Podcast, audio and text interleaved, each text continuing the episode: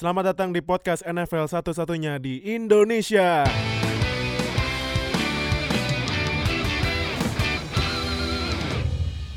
Selamat datang di podcast nomor 2 dan selamat buat para fans Eagles yang kemarin juara Super Bowl 52 ya. Selamat, selamat, selamat, selamat dan turut berduka cita buat fansnya Patriots di sebelah gue. ya, di play terakhir strip sack dari siapa sih strip sacknya? Uh, Bar Barnett. Eh, Derek Barnett, Brandon Bukan. Graham, Brandon Graham, Uh, Brandon Graham. Graham. Graham, Graham. Graham. Habis itu di recover sama pemainnya Eagles dan Tom Brady langsung duduk lemas meratapi nasib yang menghadap sideline, menghadap sideline menga- meratapi melihat scoreboard. meratapi nasib yang eh gak bisa dapat ring keenam. Still the goat though. Oh iya iya. Still the goat. Oke oke. Em, tapi sebelum kita bahas Super Bowl 52 rev eh, sebelum kita bahas Super Bowl 52 review kita mau bahas dulu eh, live-nya eh eh, sorry, sorry bukan live. Eh, breaking news breaking news di Semangat amat mas ngomongin live. Eh, break breaking news di past couple weeks ya.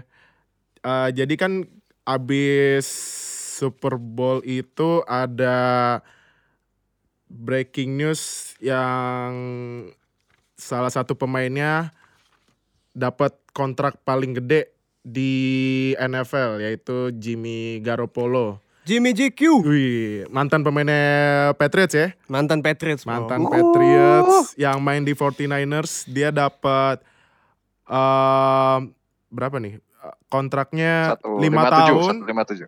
5 150. tahun sebesar 137,5 juta wah gila itu Yang kalau per tahunnya itu 30 juta lah. Sekitar 30 juta. ya 30 jutaan nah.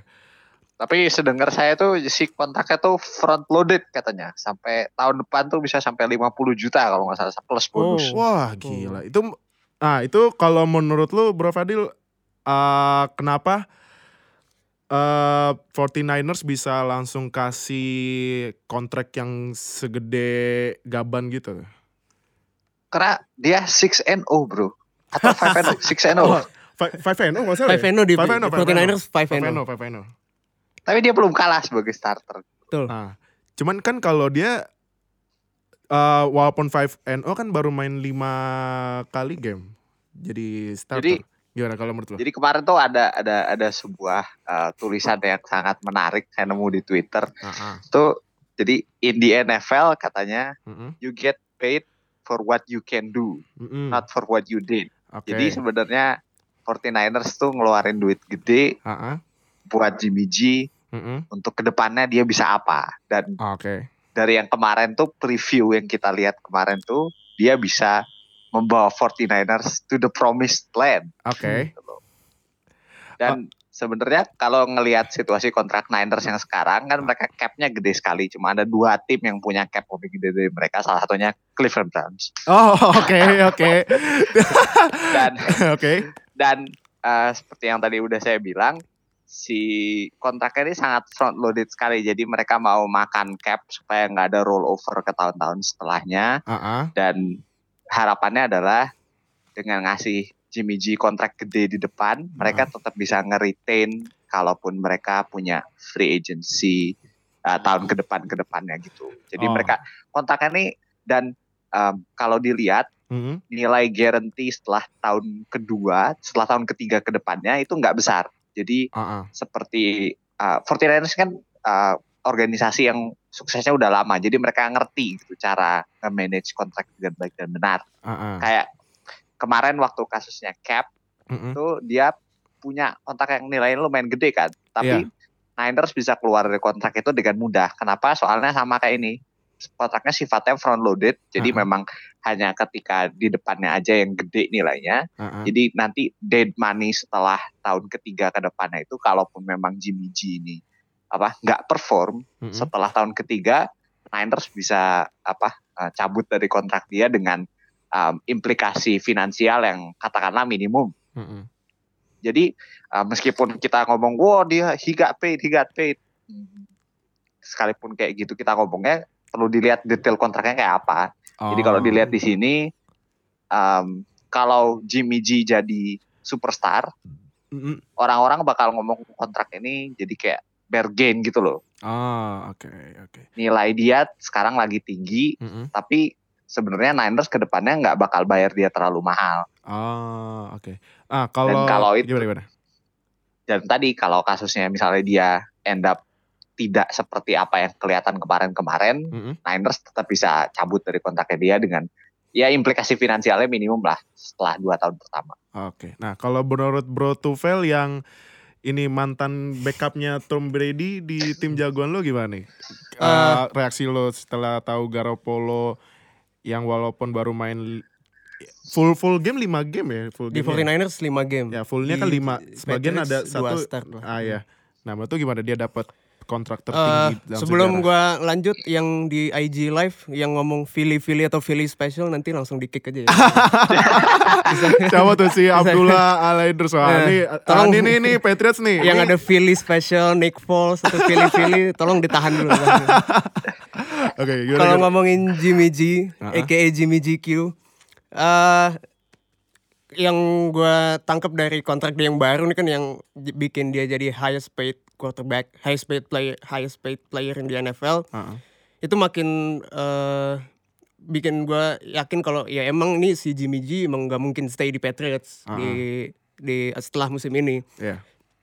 Karena nggak mungkin lah di si Patriots tuh mau bayar Jim- duit Jimmy G ini buat jadi backup Tom Brady. gitu. Iya, iya, iya, iya. Dan ya menurut i- trade buat Jimmy G buat second round pick itu ya udah lumayan lah dari better than nothing gitu dari buat dapetin si ah buat nge-extract value dari si Jimmy G ini. Mm-mm. Dan s- ke- kalau penglihatan gua gimana dia mainnya dan dan dia jadi backupnya TB tuh oke, oke banget, dan Iya. bagus.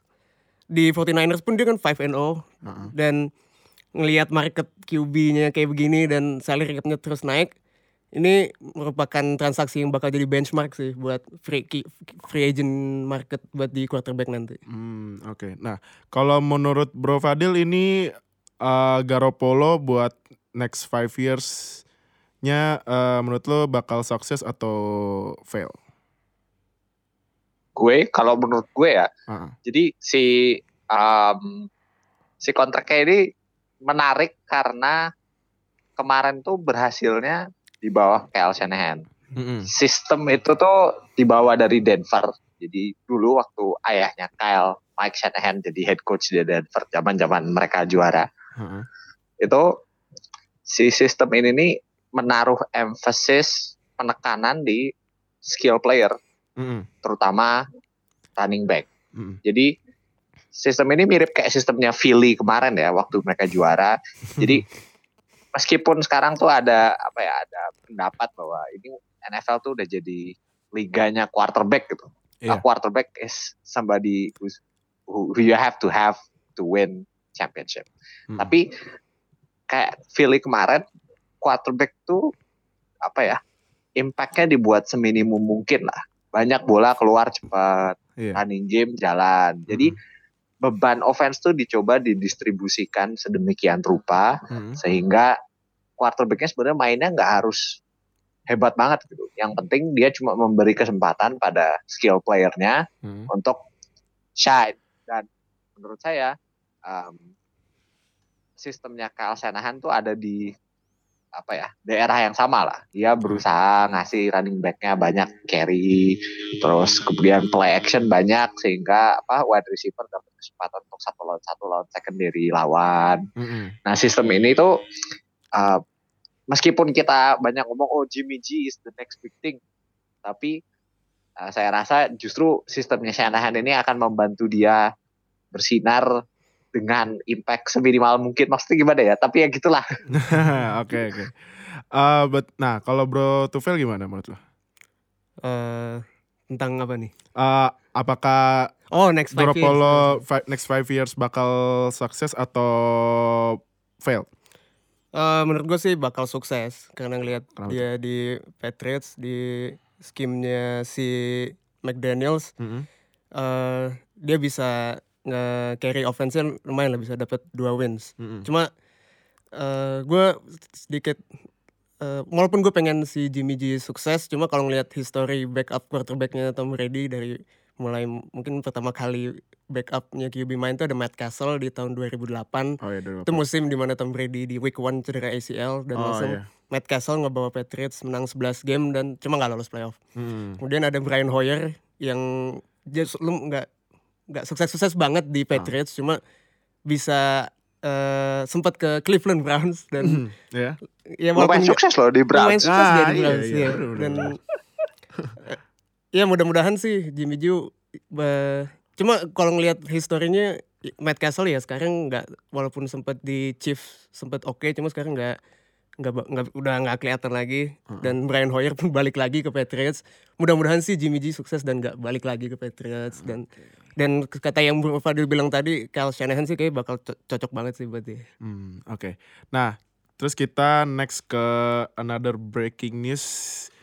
Uh, setelah Patriots kalah kan, eh, uh, malah sebelum Super Bowl kan udah banyak yang is, uh, rumor bilang Matt Patricia sama Josh McDaniels bakal pindah dan kenyataannya Ternyata ternyata kenyataannya nah ini yang pertama dulu Matt Patricia akhirnya resmi jadi head coach Lions. Nah, sekarang gue tanya ke Bro Tufel dulu ya.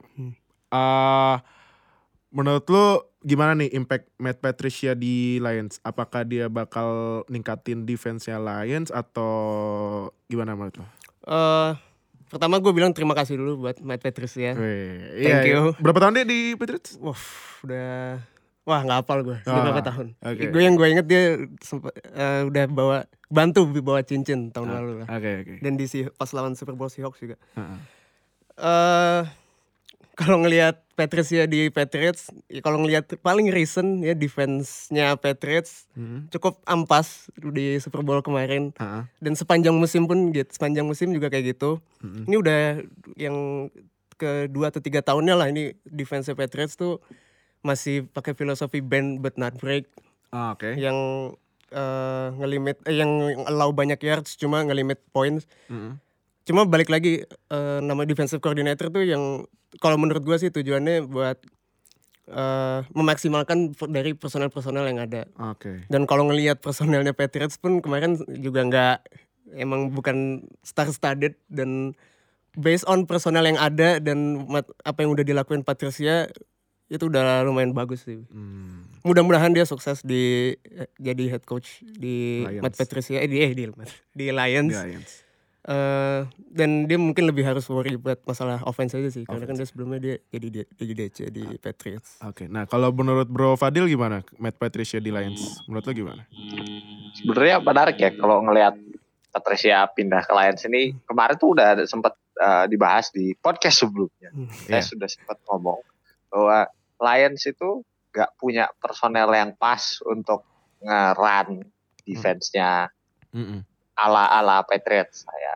Mm-mm. Jadi um, best player on that defense is Slay sama Ansa. Ansah. ya. Nah itu tapi kan Patricia ini kalau saya melakukan quick search on Google dia sudah ada di Patriots sejak 2004 jadi Hmm. udah lama sekali Hmm. gitu Oh, udah lama banget ya. Udah 14 tahun berarti ya. dan saya rasa ada kemungkinan dia akan bawa defense ala-ala Patriots ke Lions dan Mm-mm. non fitnya tuh benar-benar kelihatan karena apa yang ingin dilakukan Patriots tuh biasanya mereka mau main multiple di frontnya Mm-mm. jadi agak hybrid gitulah Mm-mm. Nah itu personelnya Lions saat ini nih nggak memungkinkan untuk main kayak gitu Mm-mm. dan biasanya kalau head coach baru masuk kayak misalnya contoh um, uh, McVay tahun ini Mm-mm. um, bisa dilihat impactnya tuh bisa kelihatan langsung gitu. Nah itu tuh hanya dimungkinkan apabila pemain yang udah ada di tim itu Mm-mm. fit sama skema yang dibawa sama pelatih baru ini. Ah. Um, Jared Goff itu waktu main di UCLA dia main um, rhythm dan quick passing, jadi Uh-huh. kemampuan ngepassingnya tuh sebenarnya udah ada. Oke. Meskipun dia bukan tipikal quarterback yang main play action, tapi dia masuk gitu dengan natural di skemanya McVay.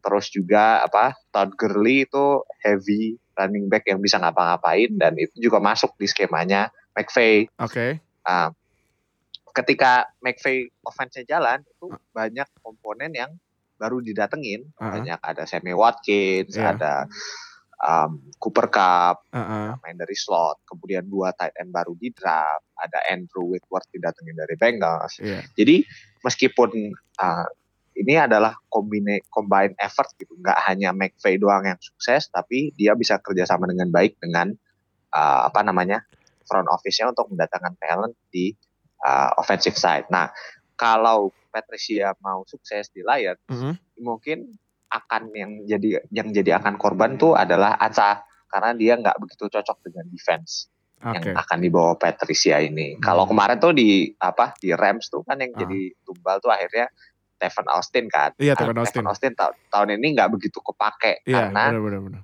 dia nggak cocok dengan apa yang dibawa oleh McVay. Iya. gitu. Oh, oke. Masalahnya di defense-nya Lions ini, Mhm. saya ngerasa bahwa ada pandangan uh, orang-orang yang bilang bahwa uh, orang paling jagonya itu uh, si Darius Slay cornerback-nya sama si Ezekiel Ansa. Jadi menurut saya akan sangat sayang gitu kalau nggak bisa memanfaatkan potensialnya Ansa sama sekali. Ah, Jadi meskipun I see apa great things ahead for Patricia karena seperti yang kita tahu itu di Patriots setelah hilang linebackernya terus mereka berturut-turut kan kalau Patriots kan selalu finish season tinggi kan Iya. jumlah wins-nya banyak jadi Ah. mereka tuh dapat premium talent lewat draft tuh sangat jarang sekali. hmm, oke oke. Nah itu dengan keter, semua keterbatasan itu uh, Matt Patricia bisa mengkoordinate defense-nya dengan sangat baik lah kalau kalau kita kalau saya bisa bilang gitu. untuk uh, secara konsisten bisa apa jadi top flight defense dan ya bisa dilihat meskipun ya Super Bowl kemarin aside he can do a lot, a lot- a lot of things lah. Oke. Yep. Nah, menurut lo Lions musim depan bakal gimana nih? Apakah early draft picks atau even season 88 gitu atau malah wild card atau bahkan eh, menang divisi menurut lo Bro Fadil? Lions musim depan. Kalau menurut gua sebenarnya yang pertama perlu dilihat tuh dia main di mana, Mm-mm. yaitu di NFC North. Iya. NFC North next season Aaron Rodgers will be back. Ah, ya. Second, Viking defense is not going anywhere. Ya. So kalau kita ngelihat uh, upside-nya, upside-nya sangat tinggi apa selama defense-nya can do something, I think uh, Jim Bob Cooter, OC-nya dari Lions yang katanya bakal dipertahanin oleh Patricia. Heeh. um, sekitar mid season sampai akhir season kemarin bisa nemuin groove-nya sebagai play caller. Cuma saya rasa mungkin saya rasa tuh uh, Lions nih nggak punya balance ground game yang cukup ya. Running game-nya saya rasa hampir non-existent lah Mm-mm. kasarnya gitu kalau mau ngomong kasarnya. Jadi uh, secara offense kurang balance. Mm-mm. Uh, playmaker offense banyak sebenarnya. Cuma itu tadi uh, run game-nya saya rasa nggak nggak cocok lah buat ngelawan defense-nya Vikings atau uh, trying to outduel Aaron Rodgers. So Mm. I think somewhere in the eight eight yaitu tadi uh, ketika berusaha ngimpor skema baru pemainnya nggak cocok mungkin butuh satu dua tahun sampai benar-benar bisa kelihatan apa yang Hmm. dibawa oleh Matt Patricia. Oke. Nah, kalau Bro Tufel gimana? Gimana menurut lo Lions musim uh, rek, uh, rekor Lions musim depan? Menang Super Bowl sih. kayaknya. Wih, gila. Mentang-mentang mantan di, defensive coordinator ya, langsung menang Super Bowl, gila, gila. Nah, Enggak, enggak. gimana, gimana, gimana? Eh, setuju sih sama Bro Fadil kalau first year jadi head coach tuh eh, kalau menurut gue sih lebih lebih banyak buat adjusting period dulu Heeh. apalagi ke dari Matt Patricia yang eh dari Patriots pindah ke Lions yang mungkin secara talent eh, beda Heeh.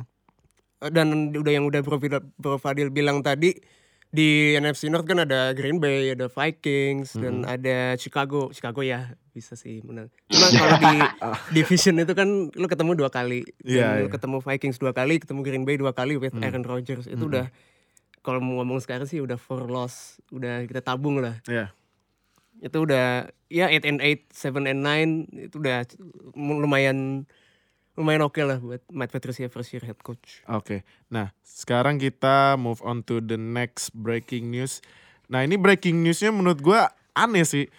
Tadinya uh, udah dikonfirm jadi head coach. Tiba-tiba abis itu dia decline. Nih, ada apa ini Josh McDaniels ini nih? Tadi dia uh, udah Colts nih, udah masuk Instagram NFL dan lain-lain kan udah breaking news Josh McDaniels as Colts head coach. Tiba-tiba beberapa jam ya kalau nggak salah ya?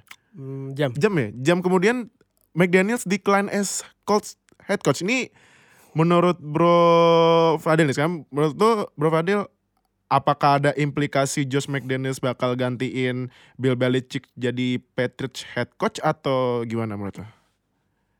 Gosipnya begitu, tapi if we're trying to read between the lines, katanya sih, katanya ya, nggak Ah, ada implikasi kayak gitu. Yang Ah. jelas tahun depan Belichick masih nge-coach, itu jelas. Iya. Tapi orang-orang bilang katanya gosip yang beredar di New England di daerah Boston dan sekitarnya nggak ada indikasi bahwa Belichick akan pensiun dalam 3 sampai lima tahun ke depan. Ah, Nggak ada, Mm-mm. nggak nggak ada indikasi itu. Mm-mm. Orang-orang lebih banyak bilang soal McDaniels nggak begitu yakin pindah ke Colts. Ah. Ada juga yang bilang kan gosipnya adalah uh, Andrew Luck udah nggak bisa main lagi. Jadi apa McDaniels nggak begitu yakin dengan kondisi offense dan segala macam dan kalau lu masuk tim nggak punya quarterback that's almost the worst thing that you can start your job with Oke. jadi uh, apa ya banyak orang bilang ini lebih soal McDaniels sendiri bukan Hmm. soal circumstance around him bukan soal Belichick mau pensiun bakal dikasih head coach next Mm-mm. atau kondisi coachnya berantakan terus dia nggak mau masuk Mm-mm. ini lebih ke McDanielsnya sendiri dan uh, orang-orang yang mendengar situasinya langsung banyak orang yang nyalahin McDanielsnya sendiri dengan nggak nggak apa ya nggak etis lah kasarnya Ah. udah masuk terus cabut lagi. Iya. Nah, kalau Bro Tufel gimana menurut lo? Apakah dia the next Patriots head coach atau apa? Gimana? Eh, next Patriots head coach pasti masih Bill Belichick. Ah, Oke. Tahun depan pun masih Bill Belichick dan Ah. gue feeling gue sih ada ada tiga sampai lima tahun lagi lah Bill Belichick di situ.